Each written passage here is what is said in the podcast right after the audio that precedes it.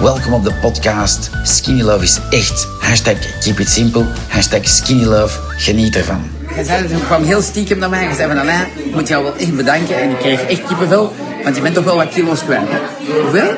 22. Ik heb nog altijd kippenvel als je het zegt, 22. Chapeau hè. We zijn in november en je zei, wanneer ben je gestart? Eh, Midden januari. In januari. Oeh, En je bent blij hè? In mei. Ja, ik Heel zie. blij. Maar ze zei, Dank je. Alain, je moet mee met mij op de foto. Ik zei, ja, dan moet jij mee ook met mij op de video.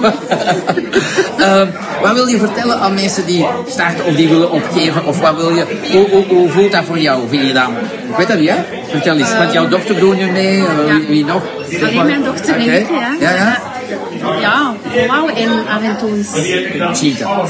Ja, hè? Ja, Ze doen dat ook, hè? Anders zouden ze dat niet nee, vol, hè? nee, nee, maar niet te veel, En maar voel je, voel je je beter?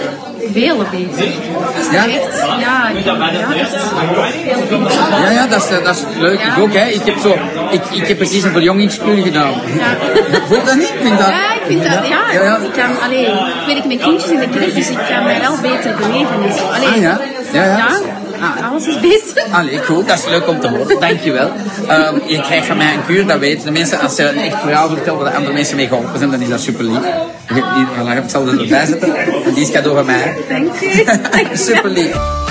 Mocht je nog een vraag hebben, met veel plezier stel ze in de Skinny Love community op Facebook. Bye bye en hashtag keep on skinny loving.